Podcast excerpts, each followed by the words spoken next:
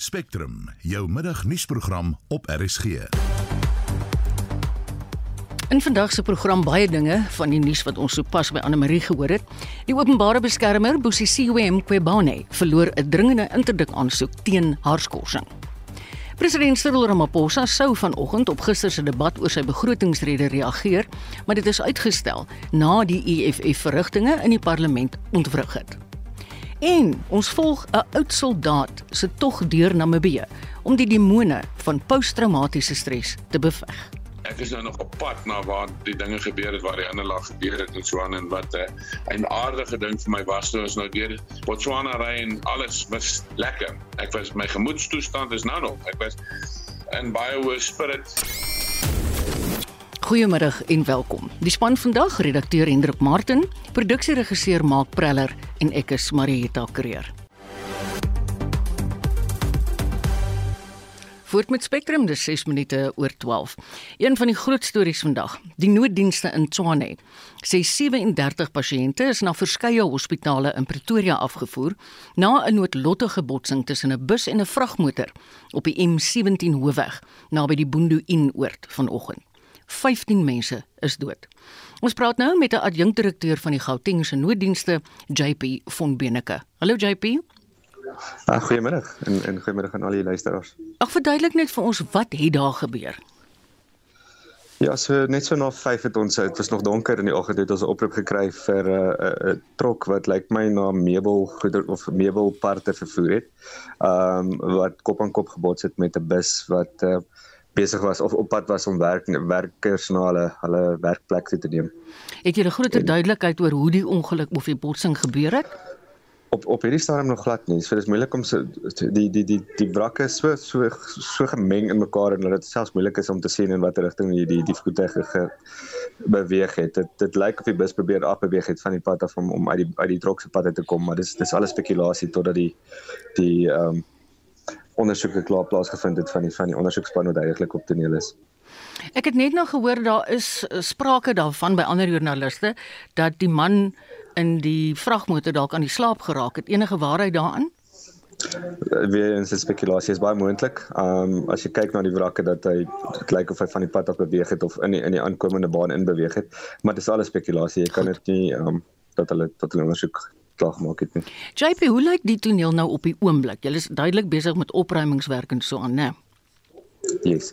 So wat nou gebeur is daar's 'n ondersoekspan van die van die Suid-Afrikaanse Polisie Diens. Ehm um, uh, hulle doen spesifiek motorongelukke en, en groot tonele soos hierdie en dan uh, mense van die van die nasionale uh pad ehm um, agentskap. Agentskap daar sê. En ehm um, so hulle het basies nou die deklarasie van dood van al die lyke want dit is nou moeilik nie almal het identifikasie op hulle nie. So die mm. lyke word nou uitgelê op die pad en daai identifikasie die die ondersoek presies op waar hulle in die bus was ehm um, toe hulle toe hulle uh, die kop aan kop ongeluk betref het. Ehm um, al daai ondersoek moet nou plaasvind want jy wil nou meer meer details hê presies van van wat gebeur het en en, en ja. hoe die mense omgekom het. Ja. JP net vir ingeval daar luisteraars is nou wat vandag van die pad wil gebruik maak, is hy alweer oopgestel of indien nie, hoe lank dink julle gaan julle hom toe hou? Nee, hy gaan nog vir 'n rukkie toe wees. Ehm um, so daal hulle moet allerlei metings neem en en soos ek sê die meeste van van die van die lyke lê nog op toneel. Ehm um, so die identifikasie proses nog plaasvind. Ehm um, en en dan die die wrakke self ehm um, gaan nog 'n rukkie vat om uit mekaar te haal en en dan van die pad af te verwyder. So ek ek ek reken ten minste nog 4 of 5 ure. Ja, indien dit nog vandag is. Wat is op die oomblik yes, moontlike alternatiewe roetes vir motoriste?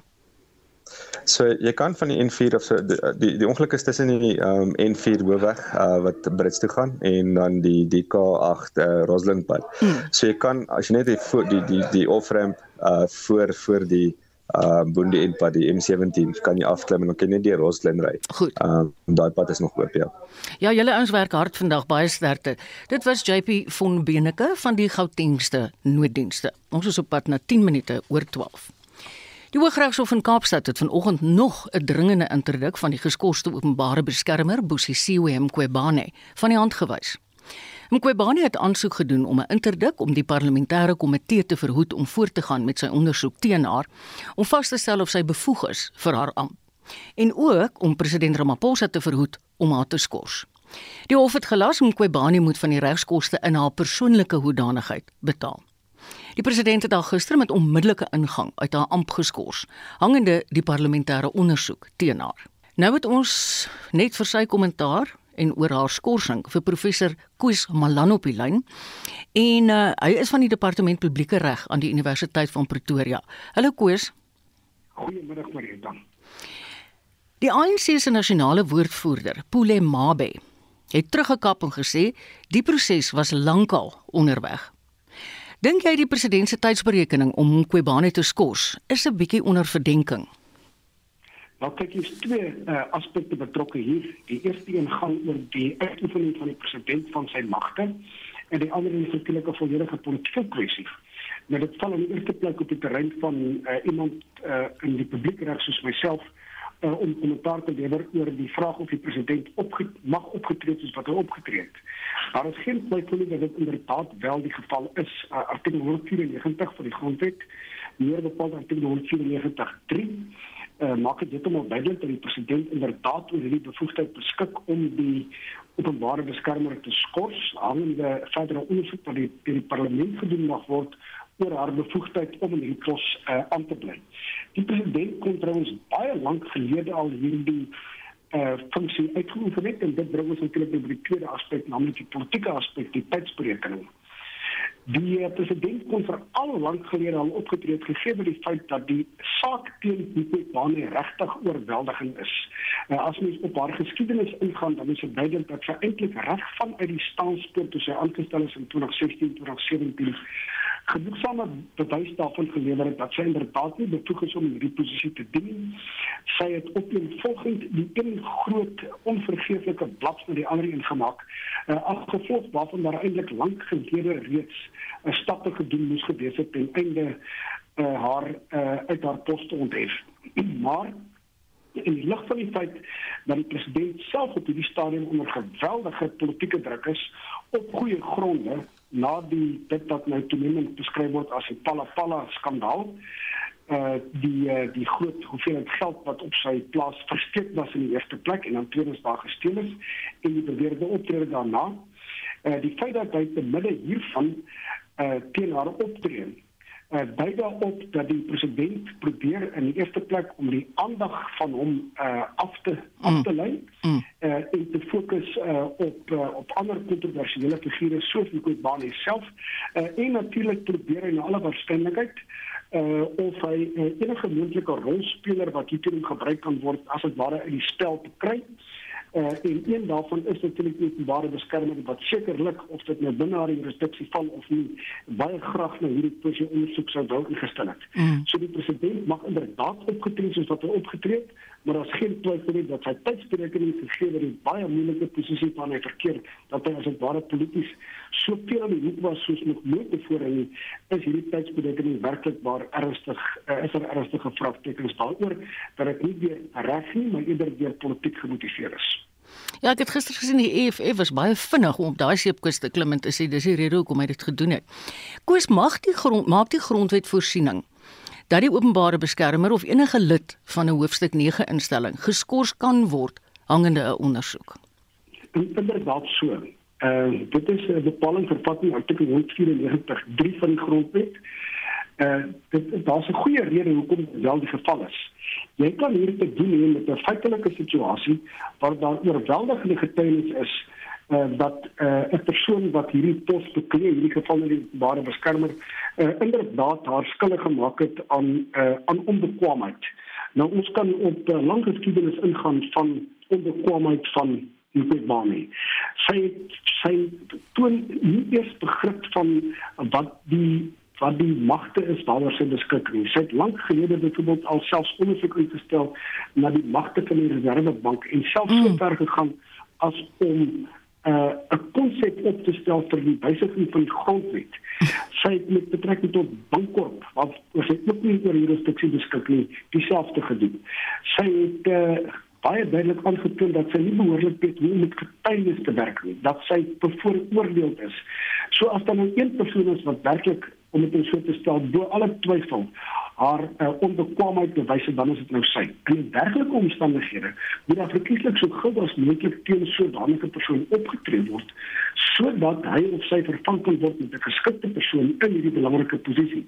En in daardie omstandighede is dit natuurlik ook so dat die president verkieslik so gou as moontlik sy magte moet uitoefen om te skors want hy wil nie 'n persoon oor wie daar soveel vraagtekens hang oor haar bekwaamheid uh, steeds in die pos hê om verder eintlik uh, te kom op te tree soos wat sy die afgelope aantal jare opgetree het. Die feit dat die president tot nou toe op nie opgetree het nie, uh, wys eintlik vingers na homself en natuurlik ook na die na die tokus van die ANC die uh, gebrekkige besluitneming van die ANC en so aan. So ja, hy behoort op te getree, hy het die bevoegdheid om op te tree. Die een groot vraag is hoekom hy nou opgetree het. Natuurlik wat ons al klaar bespreek het. Die groter vraag is miskien is waarom is daar tot nou toe voete gesleep om 'n persoon wat so klaarbliklik onbekwame steeds na pos te hou?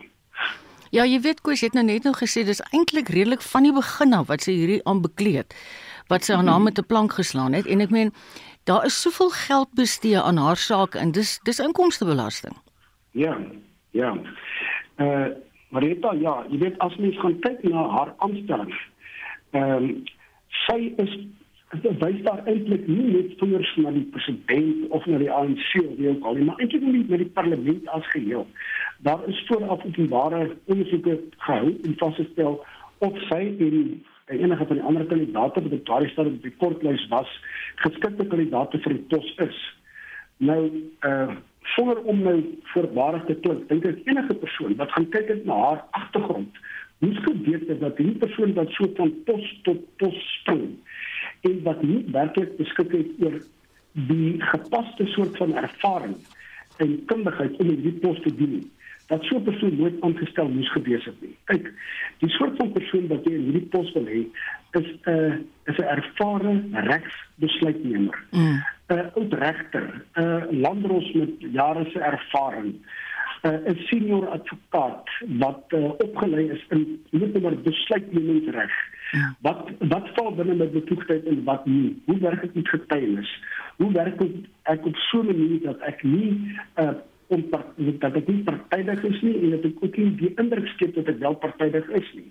Nou, die Kwebane het voor haar aanstelling geen aanduiding gegee dat sy hoegenaamd beskik oor die agtergrond uh, om te voldoen aan hierdie vereistes waarvan ek pas gepraat het nie. Ja. En daarom is dit nie net haar uh, huidige is is dit nie die sloering om van haar ontslae te raak om dit nou maar in sterk terme te stel uh, wat wat eintlik 'n uh, 'n probleem is nie die, die parlement het reg van die begin af en dit al die politieke partye was dit eens gewees dat sy aangestel moet word.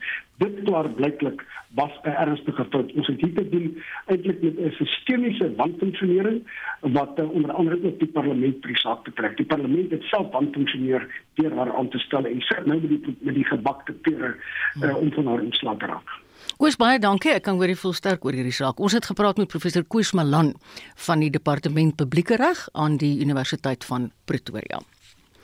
Kom hier. Het gevou. En vakbonde beskryf dit as 'n reus wat geval het.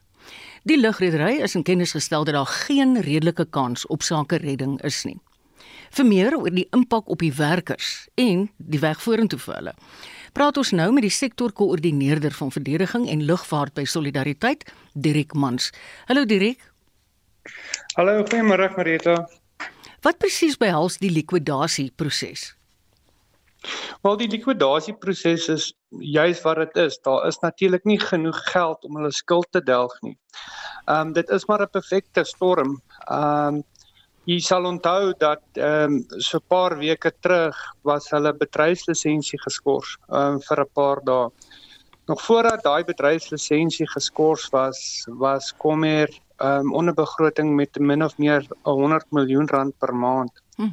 Net om my lisensie terug te kry, het dit hulle 60 miljoen rand gekos. Natuurlik, so dis by moet natuurlik nou by die 100 miljoen rand bygetel word. Um, en met elke 5 dollar wat die olieprys wat, wat opgaan, dit dit bepaal natuurlik hulle brandstofkoste. So 5 dollar beteken dit vir hulle 'n addisionele 100 miljoen rand per jaar wat hulle addisioneel by hulle brandstofkoste moet moet bytel en dit is net vir elke 5 dollar. Nou ons weet vanaf hulle in besigheidsredding was um in September 2020 toe daai plan gaan vaar was, um hoeveel keer het die bed ag die het die olieprys net nie opgegaan nie. Dan moet ons net ook natuurlik nie vergeet nie dat um SAL het hulle 800 miljoen rand geskuld. Natuurlik SAL was in besigheidsredding. So hulle kon net 70 miljoen rand van daai 800 miljoen rand kry. Ja.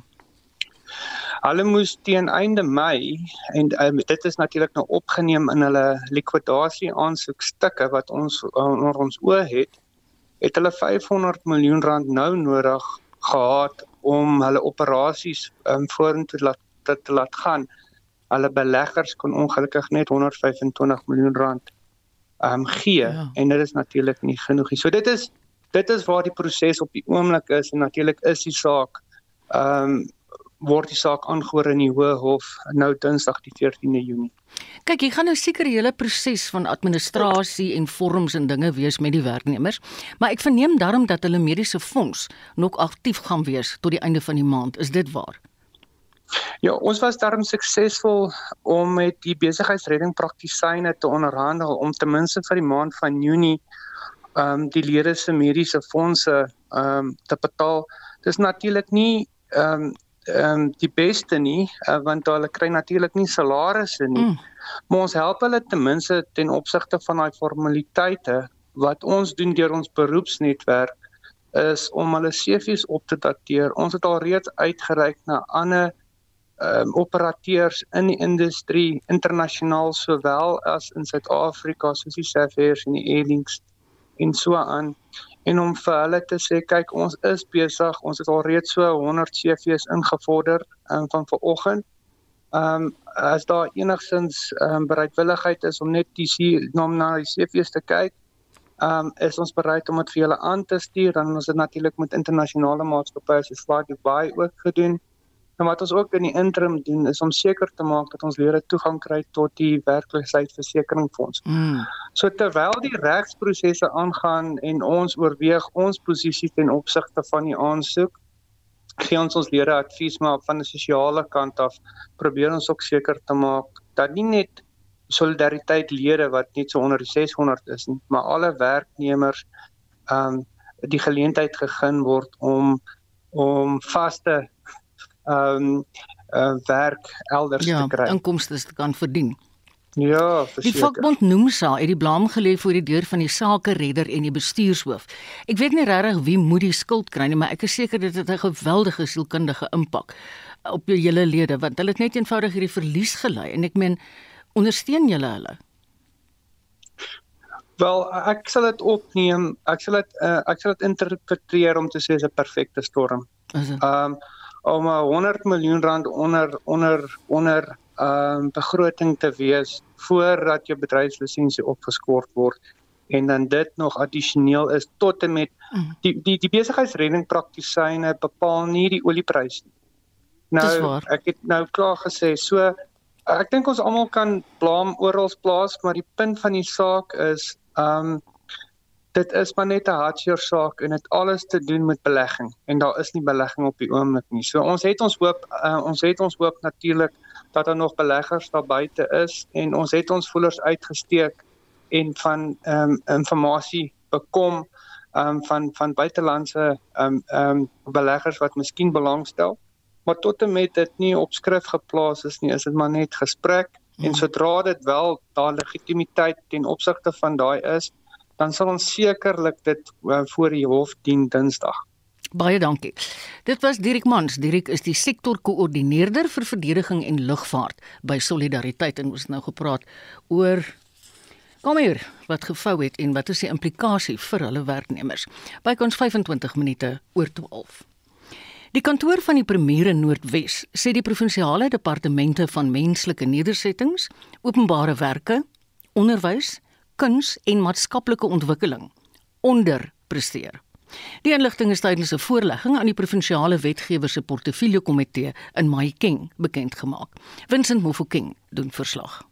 Die swak toestand van padinfrastruktuur, vervalle staatseiendomme, behuisingsagterstande sowel as algehele infrastruktuurontwikkeling en instandhouding is 'n rede tot kommer in baie dele van Noordwes.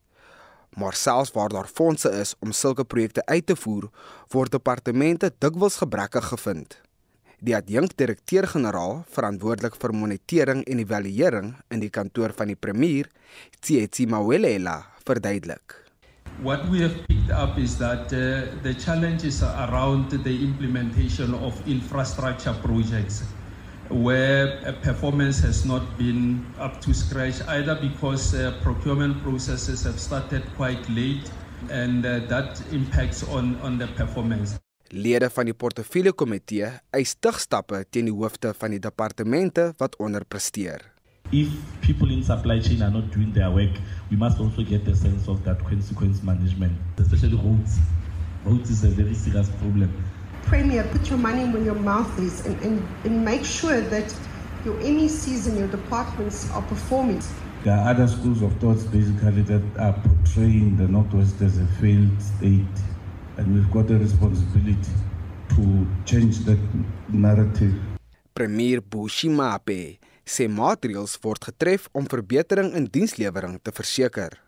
We started last year by uh, convening what we call one-on-one with MECs, where we look at the reports such as these and we try to get an understanding where there is uh, underperformance as to what uh, the reasons are and how we can uh, ensure that uh, we improve on uh, underperformance.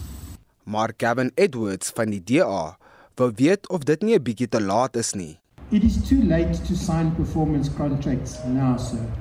These things should have been done when your MECs came in. They should have had their performance, their report cards, and they should have been kicked out of the door. And maybe it's time to shake the tree a little, sir. Die voorsitter van die komitee, Aaron Motswana, het die premier ook gevra om LER wat nie met hul portefeulje komitee saamwerk nie, uit te wys. Our members of the executive have been misled into having to regard the approach of the committees as the negative attitude and so on. We are from these communities and we, we don't want to vie for spaces elsewhere. Die premier sê een van die uitdagings is dat hoewel hulle infrastruktuur vinnig wil ontwikkel, daar 'n tekort aan hulpbronne is. Die verslag van Itumeleng Khajane vanuit Mahikeng. Ek is Vincent Mufokeng vir SAIK nuus. Die burgerregte organisasies AfriForum, Liberty Fighters Network, Action for Freedom en Deer SA is terroriste en poog om die regering te saboteer. Dis van die beamptes van die departement van gesondheid se siening oor die drukgroepe se pogings om die publiek se kommentaar oor die voorgestelde wysigings aan die COVID-regulasies onder die aandag van die departement te bring.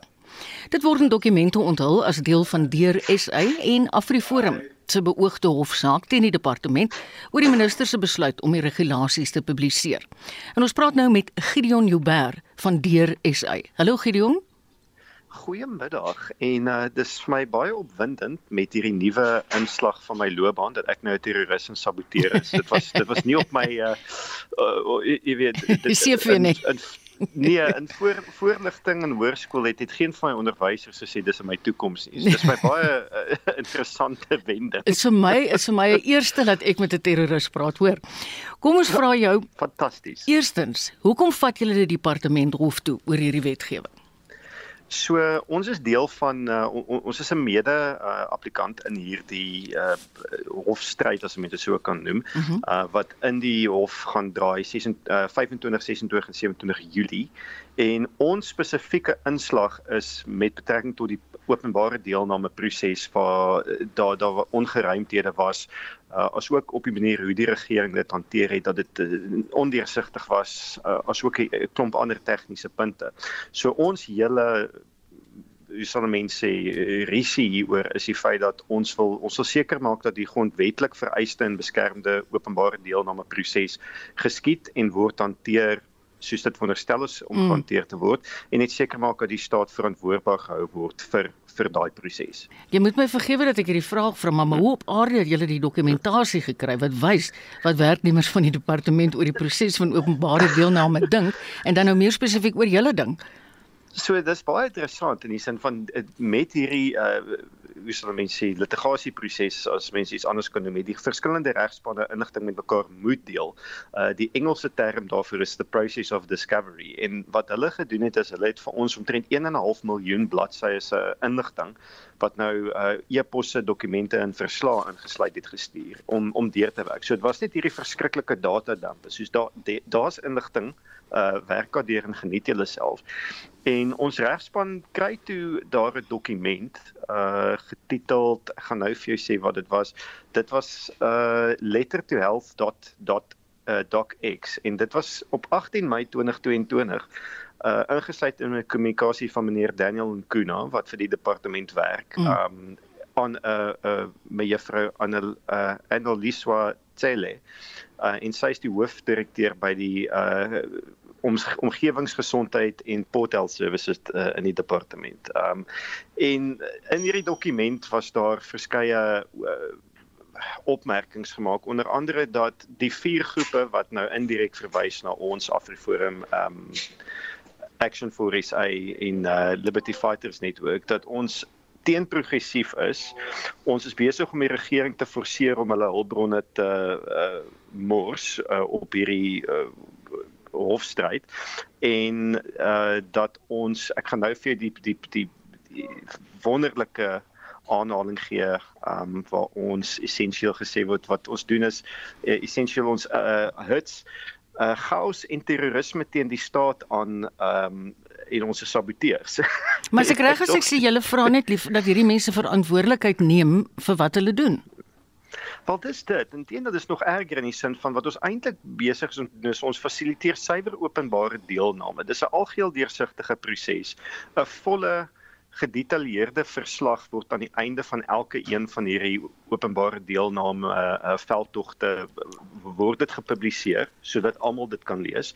As ook heg ons al die kommentare aan en ek bedoel met die IKASE uh, veldtog wat nou net tot 'n einde gekom het was daar 28000 kommentare en dit was 'n PDF dokument van ek dink 3700 bladsye. So ons maak seker dat die proses is algeheel Mm. deursigtig. Enige persoon kan onafhanklik gaan audit wat ons doen en uh, kan sal kan bespeer as ons um met die proses lol wat ons natuurlik nie doen nie want dit So julle is duidelik deursigtig, Gideon. De, ons is heeltemal toegewy tot deursigtigheid. Daar waar ons miskien 'n fout maak is ons definitief oop vir korreksie, maar dit is in waaroor die hele DRSI proses gaan. Ons kies nie kant in in 'n stryd vir politieke doeleindes nie. Ons wil net hê dat die publiek hulle sê moet kan sê en dat hulle dit op 'n doeltreffende manier kan doen dat hulle stemme gehoor word. En dit was blykbaar vir die departement nie aanvaarbaar nie. Kyk, ons het in die verlede uit verskillende mediese oorde gehoor dat hulle voel hulle lewer 'n bydrae en dan val dit op dowe ore. Hulle word net geïgnoreer deur die staat. So nou gaan julle oor tot aksie en wanneer is julle nou in die hof? Ons is nou in die hof einde Julie. Um ek dink dis 25, 26 en 27 Julie, maar definitief die 26ste en die 27ste. En dit is ons in dit is ons in Afriforum uh wat saam daai saak aanvat. Ja. Baie dankie. Ons het gesels met Deur SA se Gideon Huber. Ons het verlede maand met die oud soldaat Stan Potgieter oor sy reis van die Voortrekkermond af in Pretoria na Ondangwa in die verre noorde van Namibië gepraat. Potgieter wou met die tog aandag op posttraumatiese stresversteuring en die uitwerking daarvan op vroue en kinders vestig. Potgieter reis met 'n fiets wat spesiaal vir hom gebou is en trek nou in Windhoek. Hendrik Martin het met hom gepraat. Dit is ongelooflik die mense, die mense in Botswana, die mense in, in Suidwes-Afrika, Namibië, die gasvryheid vir die mense en die vriendelikheid, die bedagsaamheid op die paaie. Dit was een van my grootste vrese was op die pad, hoe die trokke en daai goed en ek het nou amper 1400 km gery en geen mens het my nog ooit het ek enigsins gevoel of ek enigsins eers 'n gevaar is op die pad nie. Die mense ry verby en waai vir ons en en groet ons en gesels met ons. En hulle weet nie eens wat ons doen nie, maar dis net hoe die mense is. Wat lê nou nog voor? Kyk, die groot ding is nou nog eintlik daar want ek is nou nog op die pad op pad na waar die dinge gebeur het waar die ander lag gebeur het en so aan en wat 'n uh, 'n aardige ding vir my was toe ons nou deur Botswana ry en alles was lekker. Ek was my gemoedstoestand is nou nog. Ek was in in baie hoë spirit. Mense het vir my briefies gegee en ek het gesê ek gaan dit nie lees nie want dit ek hou dit vir die dag wanneer ek daai laagtepunte tref dat dit my kan inspireer en my net weer bietjie uit die grond uit oplig en ek het dit nog nie getref nie. Ja, ek het al baie dae gehuil, snot en trane. Ek meen dit was nou baie dae wat ons baie emosioneel was en dit. Ons het droë randsoene gepak. Ons was reg om te leef in ons voertuig soos wat ons net een aand gedoen het. Ons sit hier in 'n lodge waar ons nou gaan ontbyt eet soos konings. Ons het nou al begin spot en vir die mense gesê ons verstaan, ons is nie campers nie, ons is glampers. Want die mense wat hulle al vir ons gedoen het, ek kan dit nie vir jou beskryf nie. Dit is vir my ons het blyplek van hier af tot in bo by Odangwa waar ons gaan oorslaap of in in lodges koop vir ons kos, gooi vir ons diesel in, sit vir ons geld op ons dashboard neer. Dit is dis waar die die hartseer vandaan kom. Want in ons land het mense wat ons vriende is, mense wat vir ons omgee, mense wat saam met ons in groepe is, vir ons goeders beloof en dit en dinge het suid gegaan en dit hierso is wild vreemde mense wat my van my lewe nie ken nie, uit my nie eens van my voortbestaan geweet nie.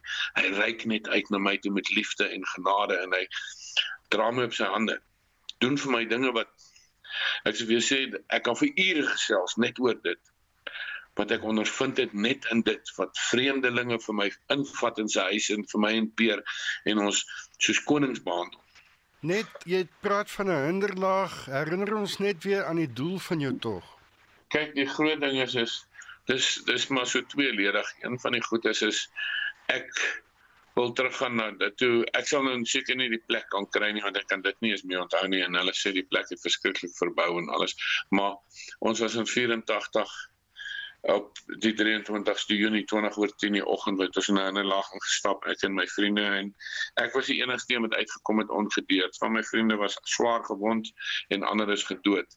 En daar het ons nou maar gejaag oor die jare soveel so dat my een vriend wat gewond wat gewond was en nie homself doodgeskiet het op ou Kersaand in 83 93 en weet dis ook iets wat my verskriklik pla want ek weet nie of my vriend hulp nodig gehad het nie. En dis een van die dinge hoekom ek hierdie PTSD ding nou so dryf. Want daar's baie mense wat dit nodig het nou. Ek wil dis hoekom ek sê my ding is tweeledig. Een is ek wil daai seun wat daar agter gebly het kyk of ek net kan vrede maak met daai ding. En twee is om bewusmaking vir mense van PTSD en die geweld wat voortspruit uit dit uit teen vrouens en kinders. Mense wat mans net wat daai selfe probleem het as ek en dan teenoor kinders. En nie noodwendig geweet in die sin van fisiese geweld waar hy sy vrou slaan of sulke goed nie, maar verbal en die manier wat hulle hulle behandel en so aan. Dit het 'n blywende effek op die familie en op die kinders en dit het ek besef eendag dat ek dink daar's meer gewonde vrouens en kinders daar buite is wat dan nou veterane is want as ek vat net in my eie huis is ek dis daar maar ek het my vrou en in uit dit uit is daar twee kinders so dis drie ander mense wat gewond is boonbehalwe net van my af. Ja mens dink eintlik nie altyd so daaraan nie maar Stan praat baie waar. Dit was die oud soldaat Stan Potgieter op sy tog na Ondangwa in die noorde van Namibië. Ja, nou mens wonder hoe groot is die persentasie van die bevolking wat nog na daai oorlog ly. 'n Pediater by die Rahima Musa Moeder en Moeder en Kind Hospitaal in Johannesburg is gister voorlopig geskort nadat hy die toestand van Gauteng se gesondheidsdienste in die openbaar gekritiseer het. Ons praat nou met dokter Angelique Kutse van die Solidariteit Doktersnetwerk oor die kwessie. Kutse was natuurlik voorheen nie alleen 'n raadslid by die Suid-Afrikaanse Mediese Vereniging nie, maar ook die voorsitter van die raad. Hallo Angelique. Goeiemiddag en 'n goeiemiddag aan al jou luisteraars daar buite. Ek gaan nie vra hoe dit met jou gaan nie want dit klink asof dit baie goed gaan met jou. ja, dit gaan goed met my. Waar kan mediese personeel wat in staatshospitale of klinieke werk klagtes indien wanneer daai gerief gewoon nie op standaard is nie? So hulle is veronderstel om die protokolle te volg om dit ehm um, aan die ehm uh, as jy die hoof van die departement is, dan gaan jy een stapie hoër en jy moet eindig by die die die CEO van die van die hospitaal en hulle moet dit dan van hulle kant af verder op eskaleer. Nou hierdie arme dokter De Meyer het al hierdie goed wel ge, um, opgeskaleer via die regte kanale en daar het net niks van gekom sover as wat on, ons kennis strek nie. En, waarskynlik was hy net so desperaat en moedeloos. Maar presies. So op die einde as jy as daar niks gebeur nie en jy sien regtig um, wat in die hierdie van hierdie staatshospitale gebeur. Wat doen jy as 'n dokter? Jy weet jy kan jy kan wegloop. Jy kan um, net besluit, weet jy wat, ek gaan niks verder doen ook nie. Maar ongelukkig word jy eties verantwoordelik gehou deur die ehm um, jou beroeps uh uh uh uh, uh, uh ja, jy het nie 'n keuse nie, jy moet hierdie goed doen. So uh jy weet en dan begin jy uitpraat, jy begin met jou kollegas praat en hmm. almal sê ons het dieselfde hmm. probleem. En uh en dan gaan dit uit buite toe en daar's 'n pers en dan praat jy met die pers en sê luister, dit is 'n probleem want jy word uitgevra en dan die volgende ding is dat dan dan nog vir jou gesê word uh jy weet jy het nou uitgepraat en ehm um, jy het nie jy jy mag nie met die pers praat nie. Uh, dit is ons protokolle en daarom het um, gaan ons jou nou um, op suspensie plaas, 'n nou ondersoek instel. Ek bedoel, waarvoor wil jy ondersoek instel? Ons weet die dokter het met hulle gepraat. Ons ons ons weet dat hy al die kanale ge gevolg en niks het gebeur nie. So, jy weet jy, hoe kan ons nie gaan sit en sê luister, hier is 'n probleem nie. Hoe gaan ons dit aanspreek nie? Ja. So nou vat jy die dokter weg uit hierdie uit hierdie ehm um, departement uit. Hulle het reeds 'n tekort aan dokters en dan vat jy hom weg. Angelique, is dit net maar 'n geval? Ek wil jou vra dat hierdie arme dokter De Meyer dalk 'n geval was van kruisig die boodskapdraer nie. Ja, dit is so. Verseker. Want hoe durf hy dit waag om uit te praat? Um uit die hospitaalstelsel uit. Hoe durf hy dit waag? Jy weet, um so en en, en as jy dan nou gewoonlik praat met die die die hoofde van hierdie hospitale dan gaan hulle vir sê daar's nie 'n probleem nie. Het ons het ons het gesien toe daar dat die dokters kos gegee het vir die vir die pasiënte daar in in in Baragwana hospitaal. Ehm um, het hulle vir ons gesê uh, eh, en dit nou publiek raak het hulle dit net dood eenvoudig ontken gesien nie die dokters het maar net gevloei om dit uit hulle sakke uit te koop. Hoekom kan ons nie net eerlik wees nie die probleem ja. aanspreek nie? Mm. So dit laat my so ek voel so jammer vir die dokter want laat my dink aan dieselfde ding wat same gedoen het. Die oomblik toe ek met die pers praat, dis ek ook verkeerd. Jy weet, moet ek mm. ook 'n dissiplinêr kry. Ja. Wat? Ja, nee, ek weet wat jy vir my sê en jy weet, ek dink as ek ja nee, hm? ek is 100% saam. Kyk, hier is 'n pediater wat in privaat praktyk baie baie goed kon doen.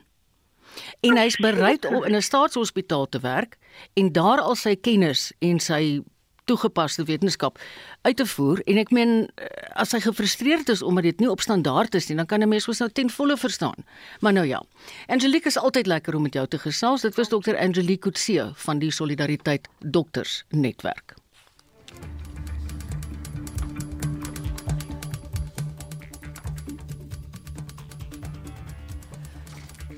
Die landbousektor staal hom teen 'n volgende sprinkaan-uitbreking komende September en Oktober. 'n Nuwe rekenaartoepassing genaamd Earth Ranger word ingespan om te bepaal waar die pestilensie volgende jaar kop gaan uitsteek. Ons praat met Andrea Kamfer, Agri SA se ramprisikobestuurder hieroor. Hallo Andrea. Goeiemôre Marieta en luisteraars. Dit het my baie nuuskierig. Wat presies is Earth Ranger? So, het ons het nou gesien dat die laaste seisoen was een van die grootste sprinkaanpla wat al in 25 jaar in Suid-Afrika um gesien is. En hierdie Earth Ranger is 'n applikasie wat sprinkaan-uitbrekings en die beweging van sprinkaan-swerms kan monitor.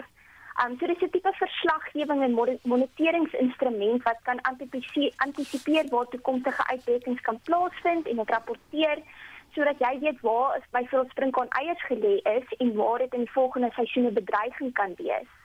Is daar enige voorspellings al Andrea waar die uitbrekings volgende jaar gaan wees?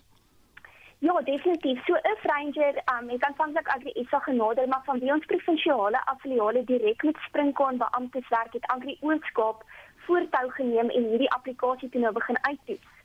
En hulle het al begin data insamel en dit is 'n baie, soos ek sê, 'n handige manier om data in te samel en voorspellings te maak oor waar daar toekomstige uitbrake kan plaasvind.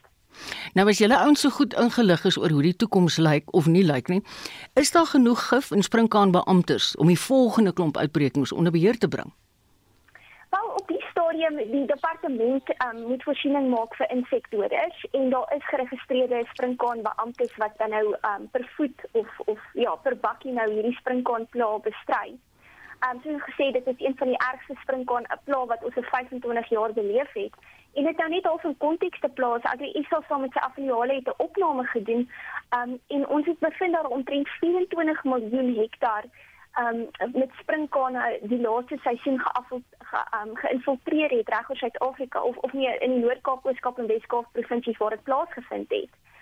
Um so daar is genoeg um sprinkaan beamptes jy weet geregistreer om om hierdie uitbrekings te kan bekamp. Maar die probleme wat ons ook nou sien is met laatbetalings um en wat wat deur die departement gesloer word, hmm. wat miskien um toekomstige, jy weet, sprinke of beamptes wat in die toekoms wil bestry, heeltemal hierdie proses kan vertraag. Ja, dit is baie sleg om dit te hoor. Sê net weer vir my asseblief Andrea, wat is die hektare grond wat geraak is vanjaar? So dit is 24 miljoen hektar veld wat deur sprinkane nee, geïnfiltreer is. As 'n mens vat Suid-Afrika se omtrent so 122 miljoen hektar um, in deursnee. Mm.